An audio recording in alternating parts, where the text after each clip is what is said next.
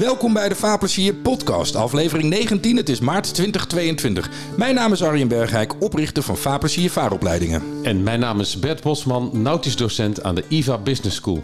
In de Vaarplezier podcast een professionele blik op de wereld van de watersport en de kleine beroepsvaart. Met in deze aflevering onze podcast Arjen Hoeksma van de Valk Yacht Brokers. En we sluiten af met het nieuws en wat verder ter scheepstafel komt. Um, we hebben voor de derde keer een gast die precies heet zoals ik heet, uh, qua voornaam ook. En dat is Arjen. Dit is sowieso al een beetje uniek, want meestal heet ze Arjan. Nou, daar zal jij in je leven ook tegenaan gelopen zijn. Uh, maar na Arjen Rahuzen en na Arjen Konijn, vandaag Arjen Hoeksma van de Valk Brokers. Arjen, welkom in de podcast. Welkom, hallo. Ja. Leuk om te zijn. Ja, Arjen zegt welkom, omdat ja. we bij de Valk Yachtbrokers in Loosdrecht zijn. Ja, zo is het. We zitten natuurlijk vaak op de IVA of bij ja. uh, Vaarplezier in Amsterdam. Maar nu zijn we op locatie aan de Loosdrechtse ja. plassen. Um, en daar gaan we het vandaag uh, natuurlijk ook een beetje over hebben, over de Loosdrechtse plassen. Ja. Maar laten we even beginnen bij het begin, Arjen. Want lang niet iedereen zal jou kennen. Een deel van de business natuurlijk ook. Um, uh, hoe, hoe kom jij in de watersport terecht? Dat is ondertussen alweer een lang tijdje geleden. Ik heb ook op de IVA gestudeerd. Dat was toen uiteraard alleen maar automotive. Juist. Zonder nog niets nautisch. Uh, na mijn studie daar ben ik in uh, automotive aan het werk gegaan. Eerst een tijdje bij BMW, toen bij Audi. En op een van de autoreis waar ik altijd zo graag werkte, want dat was ook al tijdens Diva zo dat ik daar mocht staan, en werd ik een keer door iemand aangesproken die uh, eigenaar en directeur was van, van de Bosjachting, uh, leverancier van nieuwe Bavaria zeiljachten. Ja, ja. En met mijn achtergrond in de watersport uh, zei hij van, joh, lijkt het je niet leuk om in plaats van auto's boten te gaan verkopen? Nou, dat, dat, daar, zo ben ik uiteindelijk begonnen. De eerste stap in de watersport gemaakt voor mijn werk dan. En ja, ik zit er nog steeds in. Even voor ons tijdsbeeld. Uh, hoe lang is dat geleden, Arjen? Uh, dan moet ik even denken. Ik denk 93, 94 de IVA heb gedaan. Nee, 92, 94 de IVA heb gedaan. Ja. En uh, daarna ben ik aan het werk gegaan.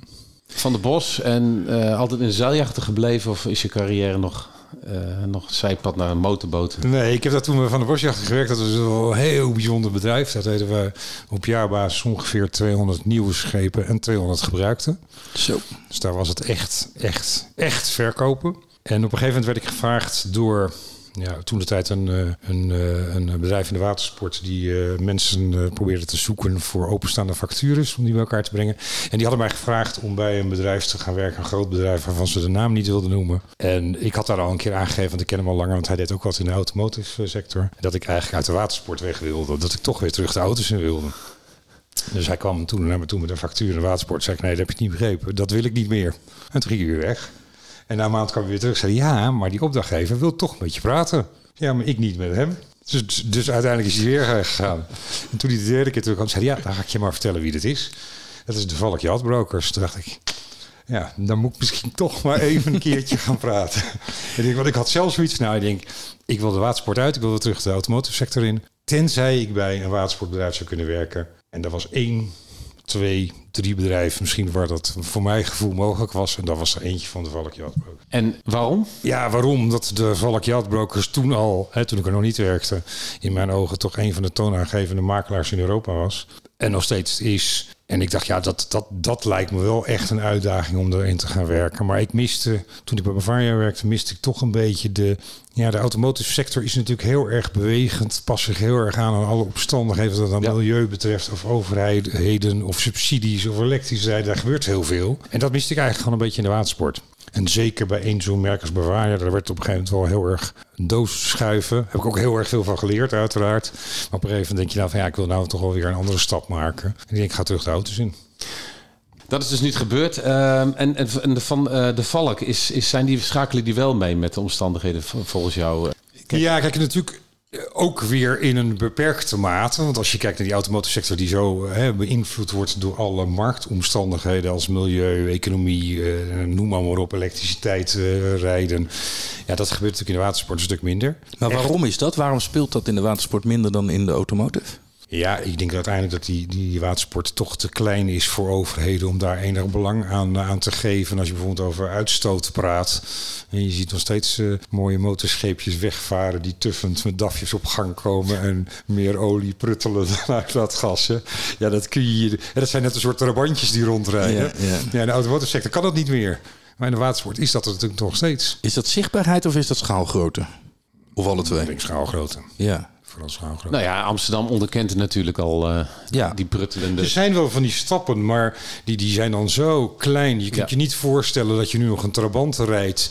en die rokend en pruttelend op gang komt... en dat Ja. je daarmee over de Europese wegen toert. Dat, zou, dat, dat kan nergens meer. Ja, dat zijn wel uitzonderingen inderdaad. Een Als, beetje, het, als hij weer opgeknapt is als klassieker. de oude eentjes en zo, hè, daar zie je er natuurlijk nog wel eens een paar van inderdaad. Maar je ziet dat wat minder dan, dan inderdaad boten van 40 jaar oud. Want dat is absoluut geen uitzondering. Nee.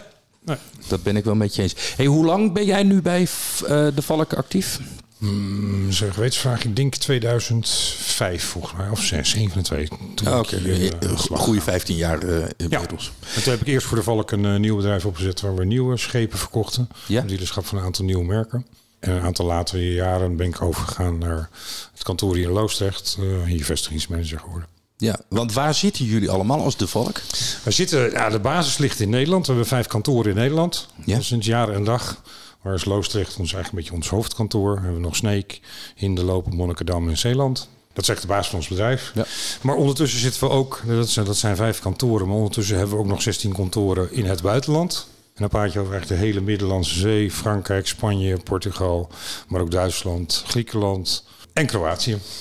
Ja, want daar vertelde je net al wat over. Wat mij intrigeert is, je zit in Sneek en Hinderlopen. Dat ligt helemaal niet zo ver bij elkaar vandaan. Waarom dan de keus voor twee vestigingen in Friesland? Omdat Hinderlopen overduidelijk ons zeilbotenkantoor is. Ja, ja, En. Sneek overduidelijk ons motorbotenkantoor. Dus we hebben eigenlijk drie zeilbootkantoren. Zeeland, eh, Monnikendam en Hinderlopen. En twee motorbootkantoren, Sneek en Loosdrecht. Dat betekent niet dat we in de andere kantoren niet een keertje vreemd gaan in dezelfde motorboot. Maar in de basis zie je in Loosdrecht en Sneek hebben wij grote overdekte showrooms. Ja, daar kun je weinig aan met zeilboten. Ja. En dat verschil is zo groot dat je daar dus echt op, eh, nou ja, wat ligt Sneek en Hinderlopen uit elkaar? 20, 30 kilometer. Dat je daar twee verschillende vestigingen voor... eh, Als je dat verschil hebt tussen zeil- en motorboten, kan dat natuurlijk fantastisch. Want is dat in de praktijk ook een groot verschil, motorboten en zeilboten? Ook in benadering van mensen, in de manier waarop je ze verkoopt? Ik, ik vond vroeger wel dat het verschil heel groot was. Ja. En ik kan me nog herinneren, ik denk een jaar of acht, negen geleden op een beurs. Volgens mij was het de Hiswa in, in eh IJmuiden nog. Dat er een klant aan ons toe kwam en die zei van ja, ik twijfel over, ik heb een budget van 700.000 euro en ik twijfel over een motor of een zeilboot. Toen dacht ik, nou die kanten bestaan toch niet? Je Ja. zeilt of Ja. je hebt een motorboot. Ja, ja, ja. Maar je ziet steeds meer dat, ja, dat er ook mensen zijn die ook zonder zeilervaring toch in staat zijn eh, op een goede manier alles te leren en ineens een zeilboot kopen. En dan twijfelen, zeggen ja, ik vind zo'n motorboot eigenlijk wel mooi met de ruimte en een toch een beetje voortvarend appartement. Ja. Maar dat zeilen lijkt me ook prachtig. ja.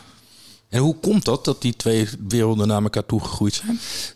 Ja, ik denk dat dat gewoon een ontwikkeling in de jaren is. Dat, dat er gewoon steeds meer mensen met financiën toegang hebben gekregen tot de watersport. Ja. En die niet specifiek uit vandaan komen of een achtergrond daarin hebben.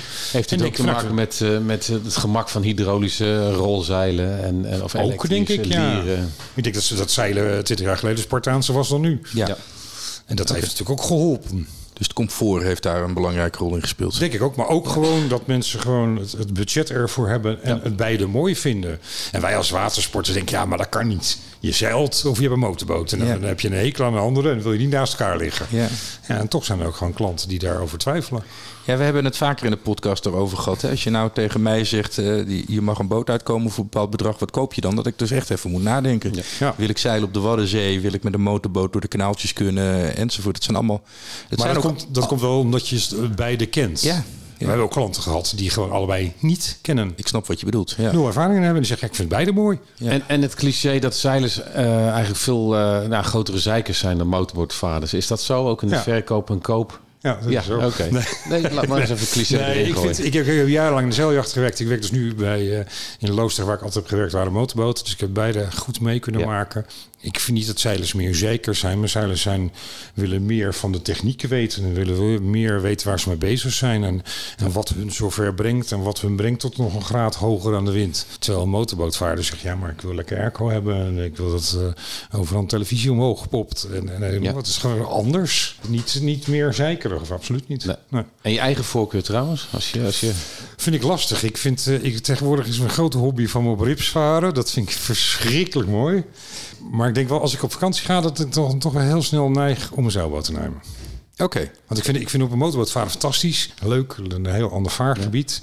Maar als dan een week die motor heb gehoord, dan denk ik, dan ga mij dan naar die zeilboot maar. Waar je toch die motor uit kan zetten en gewoon lekker in de wind en in de elementen uh, je Ja. voort kan bewegen. Ja, En krijg je dan de familie mee op zo'n vakantie? ook. Nou, ook Ja. natuurlijk, ja. Niet als ik met die rip ga, dan niet. Nee. die gaan 150 kilometer over het water. Waar doe je dat met de? Dat doe ik voor in Kroatië graag. Oké. Ja. Ja. Want daar zit jij ook veel? ja, want ik ben eh, vorig jaar geswitcht binnen de Valk. Ja. En eh, ben van eh vestigingsmanager in Loosdrecht ben ik overgegaan naar de verantwoordelijkheid voor Kroatië, voor de Valk. Daar ben je, je bent voor, het- voor, het land, voor het land Kroatië ben je verantwoordelijk binnen, van, binnen de valk. Ja, dat is heel groot gezegd. Ja. Ik kan het hele land van niet afdekken. Maar ik, we hebben daar. Ja, we zijn er nog steeds niet echt goed opgestart eh, van de valk uit. En dat ga ik nu eh, opzetten voor de valk. Vanuit is- één plek is dat? Of, of Eh, Ik ben begonnen in het gebied Dalmatië. Dat is dan eigenlijk tussen Sadar en Split. Dat is eigenlijk waar de, waar de hoofdbeweging aan schepen ligt. En dat is voor mijn gevoel, ik ken dat zelf ook erg goed, dat ik wil daar beginnen. En van daaruit gaan we kijken. Ja. Eh, voordat ik dat heb afgedekt, denk ik dat ik wel wat jaren verder ben. Zitten daar nu al mensen, zijn daar mensen vast aan het werk inmiddels? Wij hebben, eh, ja, ik dus, uiteraard. Eh, we hebben ook een kantoor in Slovenië die eigenlijk het gebied Istrië een beetje bedekken. Ja, en dat gaan we uitbreiden afhankelijk Ja. van hoe het gaat. Er zijn verschrikkelijk veel schepen daar. En van ons zijn nog weinig goede makelaars. Dus ja, dat moet wel een kans hebben. jij ziet potentie. Hey, en zie ik waarin, absoluut. waarin verschilt Loosdrecht, Nederland van Kroatië? En dan vraag je in de zin van? Nou, het soorten schepen, soorten klanten. Hmm, schepen geen verschil, want dezelfde boten die hier varen, varen daar natuurlijk ook. Of je hier een Bavaria koopt of daar een Bavaria koopt, om dat voorbeeld om even dat merk weer te noemen, dat maakt natuurlijk niks uit. Eh, klanten, ja, het zijn, het zijn niet de Kroaten die de boten kopen, maar dat is in Frankrijk natuurlijk ook niet bij de Fransen. Nee, helder. Over het algemeen zijn het de Noord-Europeanen die een zonnig vaargebied willen hebben en in Frankrijk, Spanje, Italië of Kroatië gaan varen. En dat is dus ook overwegend jullie cliëntelen. Ja. Ja. Oké. En de- dus eigenlijk of ze kiezen voor de valk in Kroatië of Zuid-Frankrijk heeft puur ermee te maken. Het is dezelfde klant, maar welk vaargebied die voor ogen heeft. Of waar Ja. hij zijn boot wil neerleggen. Ja, precies. Ja. Of waar hij zijn boot vindt die hij graag wil aankopen. Of waar hij zijn boot heeft liggen die hij graag wil verkopen.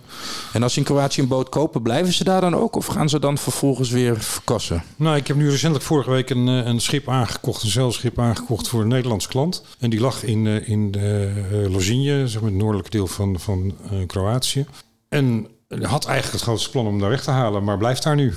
Omdat het zo mooi is. zegt, ik vind het een prachtig gebied, nooit geweest. Wat een, wat een pracht, dat ga ik ontdekken. Ik ga voorlopig nog niet weg. Ja, hoe verhoudt zich dat gebied ten opzichte van Zuid-Frankrijk? eh, Ik ben een beetje gekleurd, maar ik vind het geloof ik het mooiste vaargebied van Europa. Je hebt natuurlijk in Zuid-Frankrijk gaan natuurlijk mensen heel graag naartoe vanwege geografische ligging. Wat verschrikkelijk goed bereikbaar is vanuit Noord-Europa. Waar je overal in de zomer eh, tien keer per dag van elk vliegveld naartoe kan vliegen naar Nice. Ehm, dat is denk ik een heel groot punt. Dat veel mensen graag in de Middellandse Het heeft natuurlijk ook een bepaalde status als je het over Saint-Tropez, Monaco en Cannes hebt. Maar het is wel een kust waar niet zoveel te beleven valt. En het waait vaak snel te hard. Het zijn een beetje de vaste plaatsen waar je toe kan gaan en dan houdt het een beetje op. Ja, en Kroatië ziet daar heel anders uit. Daar liggen honderden eilanden langs de hele kust. En dan kun je elke dag kiezen of je helemaal alleen aan de buitenkant aan de grote oceaan gaat liggen. Of dat je s'avonds de stad kiest tussen, gezellig tussen alle mensen aan de boulevard. En alles wat er tussenin ligt. En weinig last van golfslag, wat je natuurlijk in de Middellandse Zee snel hebt, wordt daar heel erg gedempt door al die eilanden, waardoor het vaargebied, zowel zeilend als motorbootvarend, vooral die laatste ook, ja, heel prettig is. Is motorboot daar echt een, een, een groot verhaal ook? Omdat je daar gewoon bijna geen golven hebt binnen Ja, precies. En dus ik met een motorboot is er niks vervelend. Dus als er, Ja. als er een golven die met de hoog staan, dan moeten Ja. die stabilizers aan en dan gaat alles weer tafel af. Ja, en dat heb je natuurlijk met de zeilboot wat minder last van. Ja. Maar van motorboten, dat zie je daar ook gewoon. Ja, die varen daar graag. Wat, wat is dan voor jullie de verhouding in zo'n gebied tussen zeil- en motorboten? Ruwweg. Kan, dat durf ik zelf nog niet zo heel erg goed te zeggen, in kaart te brengen. Maar ik heb wel het idee dat, dat het in Kroatië wel meer zeilboten zijn. Ik heb wel een gevoel echt van 60, 65 procent zeilboten. Oké. Maar het is ook natuurlijk een land wat natuurlijk nog niet zo heel erg lang geleden in oorlog heeft gelegen. En praten we over 25 jaar terug ongeveer. En je ziet dat het gewoon heel veel tijd kost om alles op te bouwen. En, en, ja, daarom is dat ook een, voor ons een booming business in Kroatië. Je ziet dat het elk jaar meer wordt, dat mensen het meer ontdekken. Maar merk je dat ook organisatorisch, als je dingen gedaan wil krijgen, eh, dat de autoriteiten echt wel eh, helderheid, helder zijn eh, en wetgeving en medewerking? Of Ja, dat wel. Maar je ziet gewoon qua faciliteiten. Kijk, als je in de Middellandse Zee komt, zijn havens te over en alle faciliteiten zijn er. En daar zie je dus een grote Turkse groep die eh, een aantal havens nu heeft overgenomen en die echt aan het moderniseren is. Maar je ziet bijvoorbeeld al bij havens hotels vinden, die zijn er gewoon niet. En die er waren ze plat gegooid.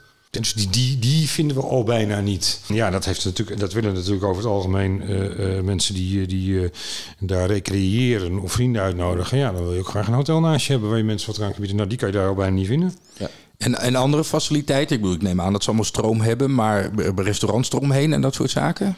Ja, dat, dat is prima. Je kunt, Ja. er- je kunt eten, kun je er eh, eh, gewoon goed. Ik bedoel, er zijn natuurlijk jarenlang dat de toeristen komen. Maar je ziet dat die watersport een beetje ja, eh, achter is gebleven door die oorlog die er is geweest. Nog Dat steeds. we weten hoe gevoelig de oorlog hier nog steeds ligt. Ja, die toch wat langer geleden is. Ja. Ja. Dan kan je nagaan hoe gevoelig die daar ligt. En wat het veroorzaakt heeft als het 25 jaar geleden is. Ja. Merk je dat ook nog bij klanten? Dat zodra jij zegt Kroatië, dat ze zeggen, oeh, dat weet ik niet. Dat voelt niet zo veilig als Griekenland of Nee, Frankrijk. dat absoluut niet. Nee. nee. Het is wel geaccepteerd inmiddels als goed vaargebied. Ja, het is natuurlijk bij de EU gekomen. Dat heeft Ja. natuurlijk ook heel veel goede dingen gebracht. Eh, nee, ik denk, ik denk dat het in vele opzichten veiliger is dan, eh, dan andere plekken waar we varen. Zoals de Middellandse Zee bijvoorbeeld. Is het ook mogelijk, of goed mogelijk om technici te vinden? Werklui, eh handyman. Ja, dat is ook precies hetzelfde natuurlijk. Dat is ook allemaal in, in kijk, als je in de Middellandse Zee kijkt, dan is dat al eh, 60, 70, 80 jaar eh, hebben ze dat ontwikkeld. Dus dat is allemaal Ja. goed voor elkaar. Ja. Hier konden ze dat eigenlijk pas de laatste 25 jaar. Maar dat gaat heel erg hard. Want ja, hoe meer mensen met een boot gaan liggen, hoe meer mensen daar ook brood zien om eh, in de reparatie van schepen te gaan. Ja. Dus dat is er zeer zeker. Ja. En dan kunnen ze natuurlijk op andere plekken kijken eh, hoe ze dat ontwikkeld hebben en de, de fouten die daar gemaakt zijn niet meer maken. hè. Ja. En de Kroaten zijn wel in de basis hebben ze is wel een volk wat heel handig is en, en eh, handenarbeid goed onder de knie heeft. En dat zie je ook wel. Dat kunnen ze wel heel goed. En, willen, willen het en ook. willen natuurlijk Ja, heel erg graag. precies, want ja. hun land is een opbouw en ze willen allemaal natuurlijk een baan hebben en, en wat verdienen en eh, een uitdaging hebben. Dus je ziet dat de motivatie veel hoger is dan in de vele andere Europese landen. Al die de- dependances hè, in Nederland en rond de Middellandse Zee van de Valk, die yachtbrokers, eh, worden die op eenzelfde manier gerund? Of is het een, een franchise-achtig iets? Of, of, of hoe is die aansturing? Nou, de aansturing is heel simpel. Die wordt vanuit ons hoofdkantoor in Naarden gedaan. Dat geldt gewoon voor al onze kantoren in, eh, in, eh, in heel Europa. Daar zijn wel wat verschillen ehm, in de basis daarvan. We hebben in Nederland zijn echt onze eigen kantoren. We hebben een aantal plekken waar franchise-kantoren zijn. Dat loopt een beetje door elkaar heen. Maar de basis is gewoon is wel dat alles wordt aangestuurd vanuit Nederland. Hoeveel mensen zijn er in totaal werkzaam bij de Valk? Waar moet ik aan denken? Zou ik het moeten checken van tevoren, maar ik denk ergens Ja, het- 70, 80. ja precies. Oké, dat, is dat, is heel groot. Ja, zeker als je nu al weet dat wij ons eigenlijk alleen maar richten op verkoop. Dus alles is eh salesgericht. We deden vroeger veel meer ernaast. Eh, zoals crewmanagement, eh verzekering. eh, we hebben dat eigenlijk allemaal afgestoten. Waarom? Dat is in 2010 een beetje gebeurd toen de, de, de bankencrisis kwam. Toen hebben we gezegd, toen hebben ze vanuit directie gezegd en gedacht, denk ik, van we moeten een beetje terug naar onze basis. En ons volledig gaan concentreren op verkopen. Waar we goed in zijn, dat gaan we doen. Daar ligt onze focus, want Ja. anders overleven we niet. Ja. Oké. Ja. En is dat dan nu in eh, 2022 anders? Of zeggen jullie nee, dit werkt zo goed voor ons, we blijven daar echt mee bezig? Nee, in feite zijn die dingen die we toen de tijd hebben afgestoten of geoutsourced, zijn er ook niet meer teruggekomen. Nee, precies. Nee. En daar zijn ook geen plannen voor, direct. Voor zover ik weet niet. Nee, exact. nee, exact. ja. Ik zit nog niet in de directie, dus. En toen was het, meen ik, december 2019. En en toen hoorden we in een of andere vage vleermuis of een virus. En nou, de rest is historie. Hoe doken jullie daarin? Met grote zorgen? Of, of dat was natuurlijk van ongeëvenaarde ellende. Ja, ik kan me in januari en februari 2020 is dat dan geweest, nog, eh, nog herinneren dat dat toen een beetje kwam. En toen dacht je van ja, wat, wat gebeurt hier allemaal?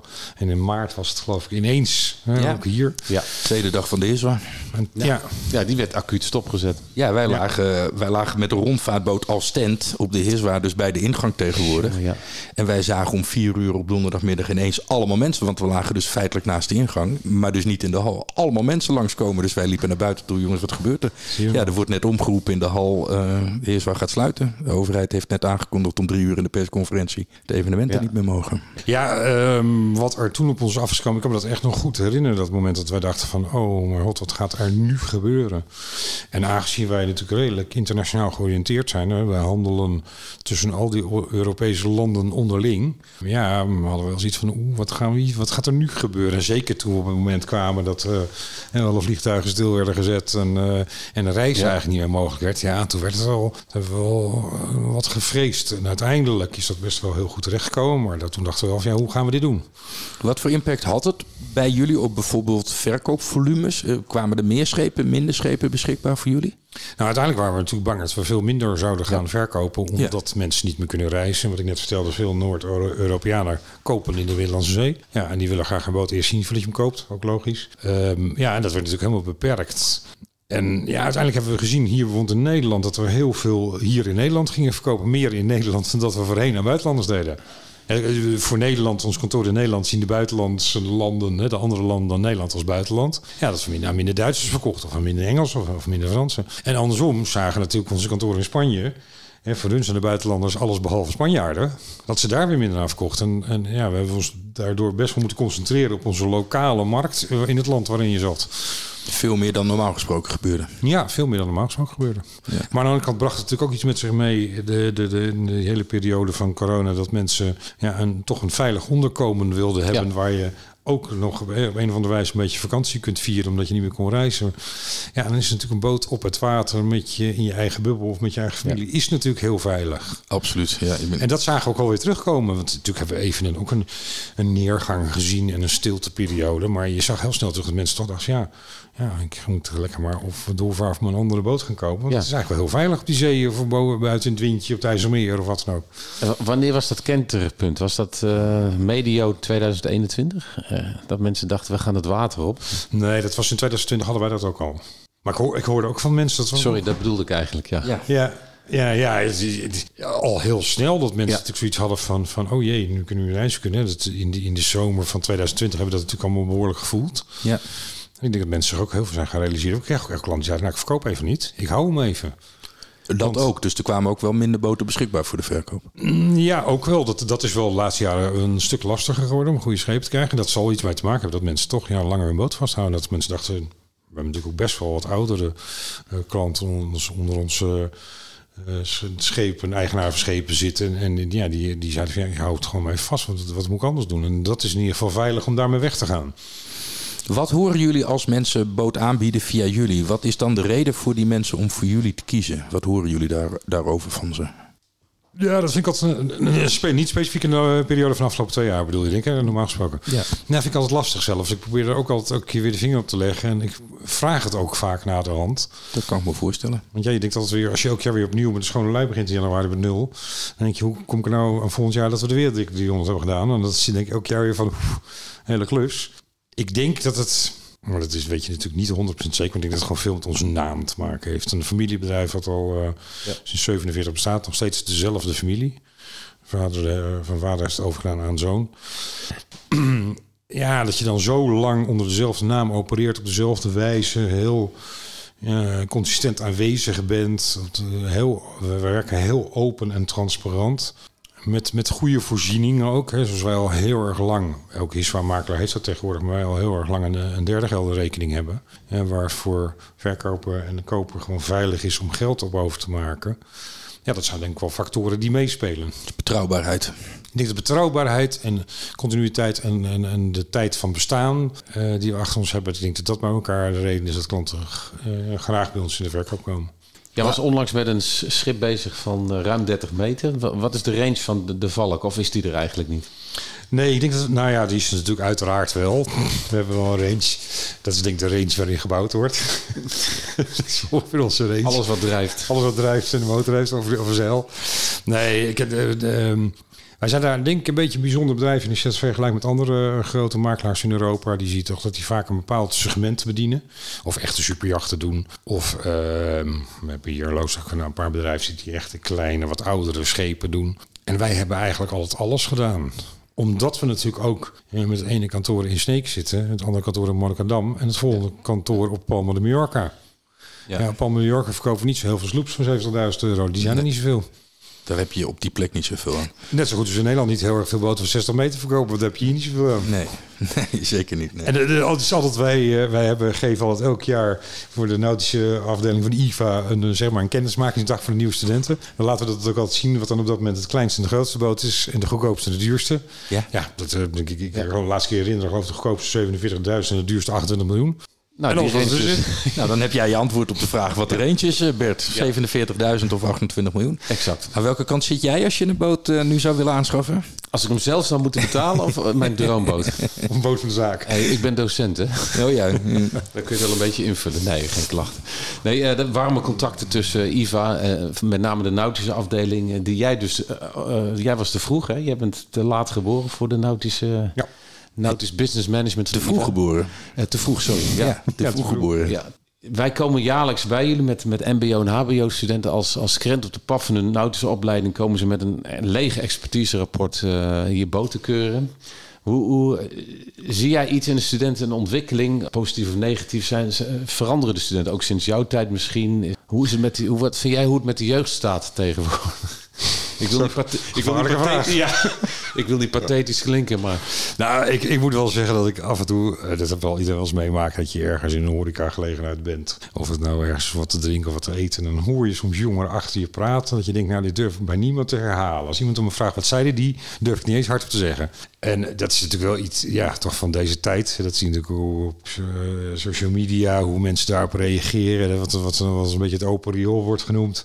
En dan moet ik, dan verbaas ik mij altijd weer als we dan weer met een dag met IVA samen bezig zijn met een expertisedag of een kennismakingsdag. Dan denk ik, oh gelukkig, er zijn toch ook nog jongens die wel graag willen en enthousiast zijn en, en een uitdaging zien in hun toekomst. Dus ja, dit, dit is natuurlijk maar, ik denk dat het natuurlijk ook wel een select gezelschap is wat op de IVA studeert. Laat ik het zo maar zeggen. Ach ja, en dat zijn ook maar mensen natuurlijk. Maar zijn ook wel mensen, ja. Ja, nou, ze hebben in ieder geval een, een goed doel voor ogen, denk ik. Maar eh, en, en ehm, vind je dat de opleiding aansluit bij wat je als bijvoorbeeld makelaar nodig hebt? Ja, ja, vind ik wel. Want ik, ik merk zelf nog steeds, eh, dagelijks in mijn werk, moet ik nog vaak terug te denken aan het moment dat ik studeerde. In welk onderdeel dan? Nou, dat, klinkt heel kinderachtig, maar eh, ja, dat je toch vaak als je met een klant staat te praten, is natuurlijk je hele, hoe je overkomt, je houding is daar natuurlijk heel belangrijk in. En ik weet wel dat vroeger op de IVA werd dat er letterlijk en figuurlijk in gestampt. En dat je toch niet moest proberen je handen in je zak te stoppen als je met een klant staat Ja, te praten. ja, dan kun je trakteren. En ik vind dat nog steeds altijd lekker met mijn handen in mijn zak. Maar elke keer als ik het doe, denk ik, oh nee. Het is, het is werkelijk geen enkele keer dat als ik mijn handen in mijn zak stop, daar niet aan denk. Maar dan is het dus wel heel effectief aangeleerd. Absoluut. Ja. Absoluut. Maar is, en is dat ook iets wat je dus merkt als mensen zo'n training niet gehad hebben, dat ze dan als jachtmakelaar een achterstand hebben? Ja, ik weet ook binnen, binnen de Valk hebben wij ook al vaker gezegd dat we een vacature hadden. En dat was afgestuurd IVA. En dan zeiden we, nou, die moeten we sowieso uitnodigen, want dat zit sowieso goed. Daar hebben ze dat gedeelte in elk geval onder de knie. Ja, ja, die weten hoe ze zich moeten presenteren. Die Ja. weten goed moeten gedragen. Ik, ik had dat vorige week ook. Dan ga je met zo'n klant uit eten. Ja, en dan krijg je wel eens wat eten op je tafel of op je bord. Waarvan je denkt, van, dat, dat zou ik van zijn leven niet, niet naar binnen werken. maar dan doe ik het toch maar. Ja. Want ik heb wel geleerd dat je dan op dat moment zul je toch een beetje aan moeten passen in de situatie. Ja. En kun je niet alles zeggen wat je in je opkomt. En eh, dat is natuurlijk levelen met een klant, wat uitermate belangrijk is om succesvol in je zaken te zijn. Ja, en die basis, eh, ik, ik kan er natuurlijk niet heel goed meer over oordelen of het nu nog zo is bij die IVA, maar die basis was wel heel goed die ze legden. Als, als nu iemand solliciteert bij jullie, jullie hebben een functie openstaan, wat is dan een heel belangrijk, en jij zou hè, erover beslissen, wat is dan, een, behalve verkooptechniek, een heel belangrijk onderdeel waar je op let bij nieuwe mensen? Ja, dat vind ik toch eh, gewoon de, de, de sociale omgangsvormen Ja, uiteindelijk. Een beetje open en... Nou ja, ons werk is natuurlijk, is natuurlijk je kun je heel plat gezegd zeggen boot verkopen. Maar uiteindelijk is het natuurlijk de communicatie met klanten waar het om gaat. Het Ja. is eigenlijk de hele dag met klanten communiceren, met mensen omgaan. Dus ja, daar zijn de, de omgangsvormen uitermate belangrijk in. Ik, ik, ik heb dat laatst, zag dat ook weer een keer. voor- Nou, laatste is al twee jaar geleden, denk ik, een van de laatste beurzen. Dat daar een verkoper stond en die ging mij voor laten zien. En die loopt zo met zijn schoenen over alle kussens heen. Oh ja. En dan denk ik altijd, dat zie ik altijd meteen. Dan denk ik, oh. En dat heb ik ook op zo'n dag als zo'n I- hè, zo'n Ivo hier is. Dan zie je ook, denk ik, ja, kijk, die, die, die hebben het wel ergens begrepen dat je dat niet doet. Ja. Nou, en die, dat zijn natuurlijk maar hele kleine dingen, maar uiteindelijk bepaalt dat denk ik wel een omgang met je klant of je daar gaat scoren of niet. Ja. Kunnen jullie de mensen nog vinden die je nodig hebt? Want we weten in de watersport, zeker de technische beroepen, hè, daar is veel, veel tekort. Daar hebben ze veel moeite om de vacatures te vinden. Als jullie vacature open hebben staan, kom je dan nog aan de mensen die je nodig hebt? Ja, we hebben natuurlijk niet heel veel technische vacatures Nee. openstaan, want dat doen we niet. Nee. En, en sales, eh, ja, de en makelaars, ja, Ja. dat is wel goed te vinden. En heeft En daar komt ook een deel van de IVA vandaan natuurlijk. Ja, precies. Ja. En heeft dat ook te maken, heeft ook dat, want de, de klanten kiezen jullie voor, voor jullie omdat je betrouwbaar bent. Eh, eh, merk je dat ook bij, bij sollicitanten, dat ze heel bewust bij de valk solliciteren? Nou ja, kijk, ik, ik weet dat zelf toen ik eh, nog bij Van de Bosjacht en Varia werkte en, en, en, en de valk in de picture kwam, dacht van oeh, daar wil ik wel werken. Oké, want dat staat gewoon in jouw... Ja, grote maak, groot bedrijf, eh, internationaal georiënteerd, werkt in heel Europa. En dacht van nou, dat is een serieus tent. Nu denk ik dat niet meer hoor. nee, nee, steeds maar. Je Hoofd van de afdeling Kroatië vindt het geen internationale tent. Dat is dan wel mooi. Ja. Nee, dat is, dat is wel leuk. Want ik weet nog hoe ik daar tegenaan keek toen ik niet bij de Valk werkte. Toen dacht ik altijd van, poeh, hoe is de Valk wel? Moet je oppassen. ja. Eh, Serieuze jongens. Ik heb overigens ineens een heel belangrijke vraag. Hoe komt het dat wij deze podcast in Nederland zitten op te nemen en Nou, niet op een zeiljacht in Kroatië? Juist. Jullie wilden zo graag in, Kroa- eh, in, eh, in Loosdrecht. Er is ergens iets niet goed gegaan in de communicatie, Bert. Ja, Volgende. precies. Die moeten een keertje afspreken. Hey, want wij hadden een tijdje geleden hadden we een afspraak staan. En die moest je toen verschuiven vanwege een grote deal die je aan het maken bent. Ja. Eh, we zagen net een paar foto's van een eh, erg mooie boot die jullie geschoten hebben. Is dat de categorie waar je nu mee bezig bent? Dat was een 34 meter motorjacht waar je prachtige foto's van laat zien. Ja, niet, niet, niet specifiek, maar Nee. ook. Ja. Als het zich voordoet. Dit is een eh, relatie die ik al tien jaar ken. En Oké. ja, we kwamen op een gegeven moment met het verhaal dat ze de boot wilden gaan verkopen. Ja, dan sta je natuurlijk vooraan in de rij om mee te doen. En lukt dat dan op basis van je verleden? Het feit dat je ze al zo lang kent en dat je alles eerder zaken gedaan hebt. Dat is ook dan ook de reden waarom ze voor je kiezen. Ik heb nog nooit eerder zaken met ze gedaan, maar ik ken ze al heel erg lang. Oké. En dat is denk ik een aantal weken geleden gesprek daar gehad met deze mensen. En ik had van tevoren verwacht dat het een soort tender zou worden. En die uitbesteed zou worden aan nog een paar andere makelaars. En aan het eind van het liedje bleek dat ik gewoon de enige was. En dat ook niemand anders was uitgenodigd. Maak je dat vaak mee, dat mensen met meerdere makelaars praten? Ja, zeker als ze niet, als ze al een relatie met een makelaar hebben, eh, dan gaat die natuurlijk vaak voor. Maar als ze nog helemaal geen relatie met een makelaar hebben, ja, dan, dan, dan, dan zijn er echt wel die, die eh, tussen aanhalingstekens die een soort tender uitschrijven, de drie uitnodigen en kijken wel eens, eh, welke ze het verste kunnen uitdringen. En dat gaat dan altijd om percentage? Over ja, het algemeen? ja, ook. Of, of, of eh, wij zijn bij de Valk eh, gaan er heel erg, eh, heel erg keen op het feit dat we graag exclusief overeenkomsten willen sluiten voor verkopen. En dus niet samen met andere makelaars, maar het liefst gewoon zelf. Ja, dat zijn natuurlijk ook condities waar ze dan aan tornen. Of als het schip zelf kunnen verkopen, dat ze daar minder voor willen betalen. Of nou ja, noem ze maar op. Ik kan er zoveel mogelijk bedenken die ze in de strijd gooien.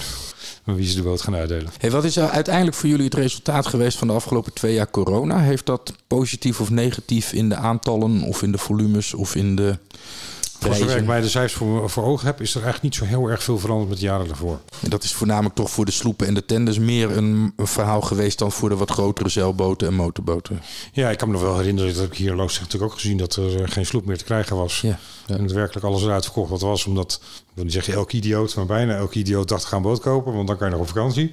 En er zijn dus heel veel mensen die ook een boot hebben gekocht. ehm, die er nooit een boot gezien hadden überhaupt. Tenminste in ieder geval nooit op gestaan hadden. En ja, dat segment dat, dat verkopen wij niet in de, bij de Valk. Of tenminste nagenoeg niet. Dus dat hebben wij niet zo meegemaakt. Die wilde in die markt, die Nee. een beetje op een soort huizenmarkt leek. Ja, Een tijdje, dat hebben wij niet echt ervaren. nee. Ja. Kijk, het is natuurlijk ook zo als je een boot van, eh, ik noem maar wat, van een half miljoen euro vaart. Die koop je natuurlijk niet zomaar impulsief, omdat er eh, een half jaar een eh, pandemie heerst. Dat, dat, dat doe je niet zomaar. nee, nee de prijzen hebben daar natuurlijk wel invloed op. Hè? De, de, de, Ook, de ja. hoogte ervan. Ja. Ja. En ook, ook natuurlijk de grootte ervan. Kijk, een sloepje kun je nog eh, met de hand afduwen een keer dat ik de kant aanvaren. Als het 25 meter wordt, wordt het lastiger. Ja. De wal keert het schip. Ja, daar komt het vandaan, hè? Zo, volgens mij. Ja, Klopt, het borrelt zomaar op. We gaan ineens heel diep in de podcast. Ja. Ja. Is, is een goede verkoper ook iemand die goed luistert? Ehm, ik denk dat daar de basis in zit. Ja, goed Want je had het over om- omgangsvormen. Hè? Dat moet voor elkaar zijn. Maar volgens mij moet je eh, eh, antennes hebben voor het werkelijke verhaal van de klant. Nou, die omgangsvormen hebben natuurlijk ook iets met luisteren te maken. Dus een klant, het is natuurlijk belangrijk dat een klant zijn verhaal bij je kan vertellen. En dat zal de ene Ja. klant zijn die met drie woorden genoeg heeft om het verhaal bij je neer te leggen. En de andere wil eh, zelfs eh, de, de, de fotoboeken door- doornemen van alle vakanties. ja, daar, daar zijn de verschillen natuurlijk een honderden kun je die vinden. En ja, ik denk dat uiteindelijk die omgangsvormen ook iets mee te maken hebben met, leren- met luisteren. En aanvoelen wat die klant van je verwacht. Want die verschillen, waar we het net al een beetje over hadden tussen motorboot en zeilbootvaart. Ja, daar zijn ook al grote verschillen wat die mensen van je verwachten. Jij maakt een hoop mee. Je hebt mooie verhalen over verschillende soorten klanten. Ja, je- dat, dat is natuurlijk ook het leukste van ons vak. Maar dat heb je natuurlijk ook als je volgens mij een auto verkoopt. Of, en wat je ook verkoopt, je bent met mensen bezig. En ja, onze, in onze branche natuurlijk de eenheden kunnen erg kostbaar zijn. En er zijn ook vaak hele mooie verhalen bij. Zitten jullie vaak als makelaar eh, of verkoper of koper van een boot bij de rechter? Dat het, dat het niet goed gaat met, eh, met de over, overdracht, met de keuring? Wekelijks. Wekelijks? Nee, nee. Nee, natuurlijk. Uiteraard. Kijk, eh, eh, waar gehakt wordt, vallen Spaanders. En zeker als je eh, ook nog internationaal handelt. Kijk, als ik als voorbeeld geef, of als wij een Italiaanse verkoper hebben... die via ons Nederlandse makelaar aan een Spanjaard verkoopt... nou, dan kan ik je wel vertellen, dan zijn er heel veel kansen dat het misgaat. En, en daar hebben we natuurlijk eh, lang in geoefend. Hè, die die Ja. oefening kunst, nou dat Ja. hebben wij wel. Ja. Maar nog steeds, ja, ja, inderdaad. Daar, je hebt alleen al verschillen in cultuur, hoe gek het ook mogen klinken. 1000, 1500 kilometer verderop zijn hele andere mensen dan hier. Ja, dat is natuurlijk een uitdaging om die bij elkaar te brengen. En te zorgen dat dat goed verloopt. En dat gaat wel eens mis. Dat gebeurt ook bij ons. Hey, wat zie jij eh, de komende jaren gebeuren in de wereld van de watersport? Of eigenlijk, wat, wat is er de afgelopen jaren gebeurd en, en, en denk jij dat daarvan doorzet of juist niet doorzet? Nou, ik moet wel zeggen dat ik, eh, voordat ik bij de Valk werkte, eh, eh, bij Van de Bosjachting, en toen waren wij Bavaria dealer in Almere. En daar was ook nog een dealer in eh Workum. En wij deden samen alleen al 400 nieuwe Bavaria's per jaar. Als je dan nog even de, de, de, de andere serieproductiewerven erbij neemt, zoals Chanel, Beneteau, Hansen, dat, dat soort merken. Dan denk ik dat we in Nederland, dat is een beetje grove schatting, misschien wel 600 van dat soort boten nieuw per jaar deden. Ik weet nog wel dat wij Hiswa's terugkwamen, dat we gewoon 35 schepen hadden verkocht. Nou, dat is, dat is na 2010 is dat natuurlijk in elkaar ge- gevallen. Waar ik toevallig vandaag met collega's over had, dat heeft nog steeds heel veel mee te maken dat je toen een scheepshypotheek kon krijgen en nu nog steeds niet. Ja, dat, dat, dat heeft natuurlijk de markt voor ons heel erg veranderd. En ik denk, zolang, en ik, ik, ik heb geen inzage in hoe banken daarmee omgaan wat de belangen zijn en niet en wanneer ze dat wel weer interessant vinden of nooit meer. Maar als dat, als dat zo blijft zoals het nu is, dan denk ik dat onze markt ook blijft zoals die nu is. Ja. Ik, ik kan me nog, ik weet uit, ik, ik heb dat laatst weer een keer gelezen, ik geloof in, eh hoe heet dat blad ook weer in, de- in de automotive. AM nog iets Vraagt hij, vraagt hij mij iets over automotive? Nou, ik weet ook niet zoveel van automotive. Daar las ik een stuk over dat ze dat ze eh daar hadden het nog steeds eh ik geloof 54 of 55 procent van de auto's eh, gekochte particulieren wordt gefinancierd. Ik weet nog voor Zo. 2010, dat vinden wij ook in het kadaster nog terug, want je staat in het kadaster met een schip ingeschreven als je een hypotheek erop genomen hebt. Ik kan me nog herinneren dat wij toen ja, meer dan de helft, als je een boot in de verkoop nam, dan moest je even checken of dat ding niet in het kadaster stond. Nou, de helft stond daar gewoon in, ruimschoots de helft. Tja. Dat begint fors minder te worden, want je kunt gewoon geen hypotheek meer krijgen. Nee. Nou, als je dat voorstelt als in de autobranche morgen, ze zeggen, nou, je kunt geen geld meer voor een auto lenen, dan denk ik dat cijfers drastisch naar beneden gaan. Dus dat betekent dus ook dat alle klanten die jullie hebben, die moeten het gewoon van de eigen bankrekening halen. Want Ja, en dat zijn natuurlijk wel, mm, eh, ik, ik weet niet hoeveel procent dat van, de- van, van, van eh, de bevolking is, maar dat is een paar procent. Ja. Hè, die echt eh 1, 2, 3, 4, 5, 600.000 euro op bankrekening hebben staan over. Ja. Je hebt een boot natuurlijk niet nodig. Nee. Over om een schip aan te schaffen. Want, want hoeveel is het nu een nieuw verkopen, weet je dat? Heb je daar zicht op? Want je zei net 600 was het voor 2010. Ik denk dat daar geen 100 meer 150 van over zijn. Dus dat is dus een, Van dat is groepje serieproductie zeilboten hier in Ja. Nederland tussen de 10 en 15 meter. terug naar 20, 25 procent van wat het was. Maar je kan je ook niet voorstellen dat 600 boten per jaar, dat, dat het in Nederland jaren, decennia door zou kunnen gaan. Dan heb je op een gegeven moment ook een verzadiging natuurlijk van de markt.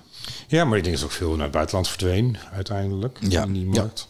En ehm, ja, verzadiging. Nou, ik merk nu dat er veel vragen zijn naar jonge gebruikte boten die er niet zijn. Dus die markt is nog niet verzadigd, alleen ze zijn er niet. Ja. Dus zoek je maar een, een... Ik kan me dat toen nog herinneren, eh, zo'n 15 jaar geleden. Als je boten te kopen op de site ging kijken, dan had je eh, zeven, 17 pagina's met, eh, met zeilboten tussen de 12 en de 15 meter. Eh, nu meestal is het één pagina. En dan, dan zitten er nog een paar tussen dat je denkt, nou die hoeft niet te hebben. En dan blijft weinig over. Want omdat er weinig scheephypotheken of geen scheephypotheek worden afgegeven, is de aanwas aan de bovenkant is, is heel laag. Ja. Nou, kijk, het is natuurlijk een beetje. eh, In feite is het natuurlijk eh, als je iets een product financiert, is het toch, toch een beetje vooruitsparen in de toekomst, wat je nu niet hebt. Ja. En een heleboel mensen zijn niet in staat om dat wel bij elkaar te sparen, maar kunnen het wel op die manier en kunnen dat ook bekostigen. Nou, ik vind zo'n voorbeeld van zo'n Tatrax al helemaal groeien. Ja, die, die markt is niet. Zijn er nog andere dingen? Want de scheepshypotheek komt dus, eh, hebben wij het idee hier nu met z'n drieën bij elkaar, dat die voorlopig niet terugkomt. Nee, want er dat is niet. zoveel aanleiding voor om dat te veronderstellen. Nee, nou, ik weet wel iets misschien. Nou? Aan de andere kant van de, het min- minder courante, het incourante eh, deel van de bootjeswereld, dat zijn de bootveilingen. Dat, jullie doen veel zaken met eh, BVA-auctions. Ja, 2015 een samenwerking gestart met de BVA Auctions om eh, schepen te gaan veilen. Een beetje met het idee van dat doen ze in Amerika, veilen ze ook alles wat los en vast zit. Dan moeten ze dat, zal dat hier ook wel komen. En we hebben er nu eh, over de 400 gedaan. Tja. En die worden allemaal op vrijwillige basis worden die gegund. Dus een eigenaar, de verkoper, kan gewoon beslissen of hij het wel of niet doet na de veiling. Zonder kosten. Oké. Dus hij kan gewoon nee zeggen, doet niet.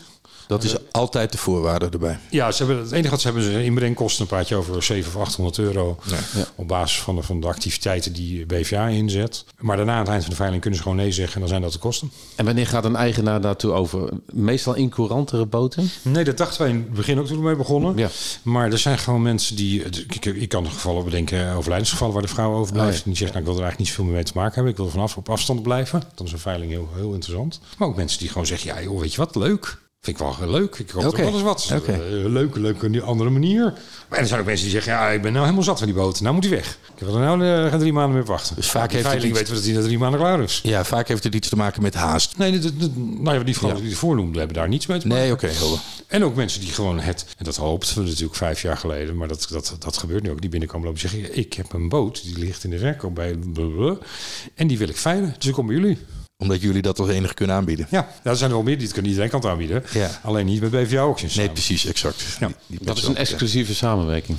Ja, en BVA Auctions is, was het grootste online veilinghuis. En zijn nog een stukje groter geworden omdat ze Troostwijk hebben overgenomen. Ik denk dat het voor boten natuurlijk... Ja, ik kan me er wel iets bij voorstellen dat dat een mooie samenwerking is. Ja. En, en we verkopen, dus zeg maar die veiling wordt 87% gegund door de eigenaar.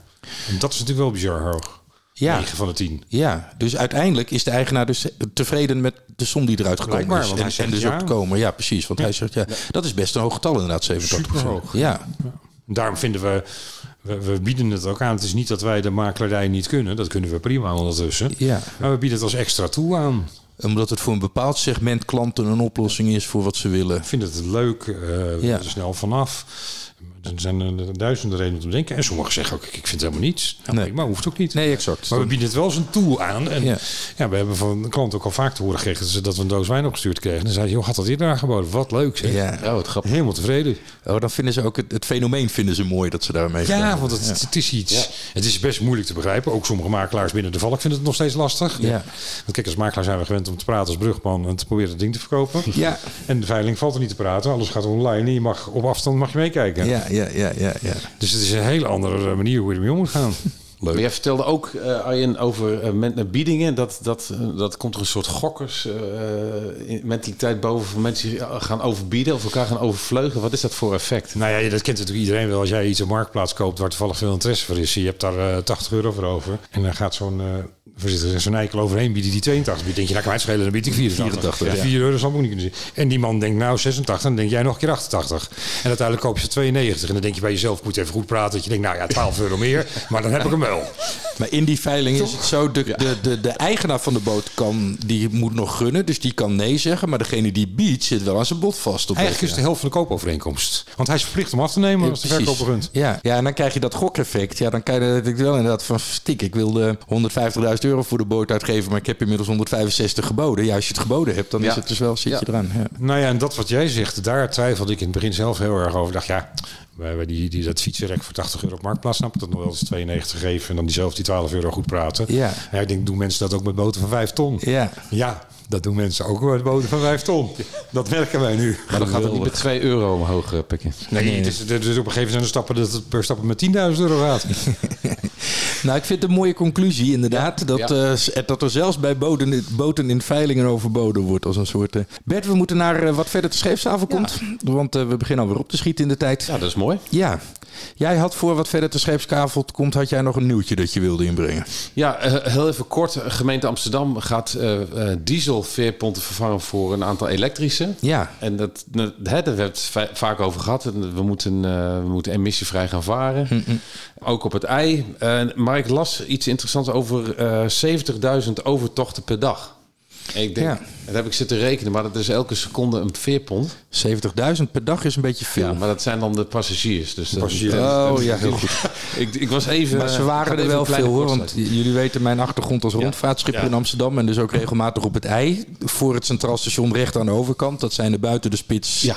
twee of drie. En in de spits drie of vier. En die varen dan om de drie minuten af naar de overkant. En dan steeds 100, 150 mensen aan boord. Ik heb er wel eens in de machinekamer van een veerpont gekeken. Elektrische. Van die elektrische Dat is eh, indrukwekkend.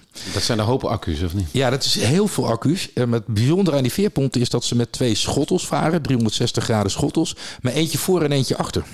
En dat maakt het echt heel bijzonder ook. Ik heb een klein stukje mogen sturen. En dat maakt het heel raar. Want je, je hebt je rechterhand op de achterschottel en je linkerhand op de voorschottel. En dat moet je, je moet eigenlijk, je hebt de hele tijd het gevoel dat je even zo moet gaan zitten om te weten wat je aan het doen bent. Dus varen met beide schottels tegelijkertijd. Ja, zeker. Ja, ja. Ja, Ik vind het een prachtige afsluiter Nou. van de podcast meteen ook. Arjen Hoeksma, ontzettend dank voor eh, het feit dat je er vandaag was. En dat eh, je ons hier in eh, Loosdrecht wilde ontvangen. Jullie ook bedankt. eh, Ja. Ja, succes. hier aan mo- mogen deelnemen. Leuk. Succes met alle activiteiten in Kroatië. Ik stel voor dat we over een jaar nog een podcast met je opnemen. Dat we dat dan vanuit Kroatië doen. Dan nemen we gewoon de koffer mee die kant op met de, de mengtafel en de microfoons en de koptelefoons. En dan gaan we het lekker dan. Vind je niet? Hij gaat per auto op en neer. Hè? Dan moeten we achterin eh, die, die krappe BMW. Die je mee. Ja, precies. Ja, maar ik hou, ik hou nog steeds van auto's. Hè. Dat gaat niet ja, over. ja, ja, ja. Ja, dat blijft erin zitten. Hè? Ja. Ik denk dat het goed komt. We gaan ermee ophouden, Bert. Eh, We gaan niet het standaard riedeltje doen. We gaan gewoon tegen mensen roepen dat als je deze podcast terug wil luisteren... of alle andere, dan kun je dat doen in je eigen favoriete podcastplayer. Juist. Of via vapersier.nl slash podcast. Bedankt voor het luisteren. Zijn naam is Bert Bosman. En zijn naam is Arjen Bergijk. Tot de volgende Vaarplezier podcast.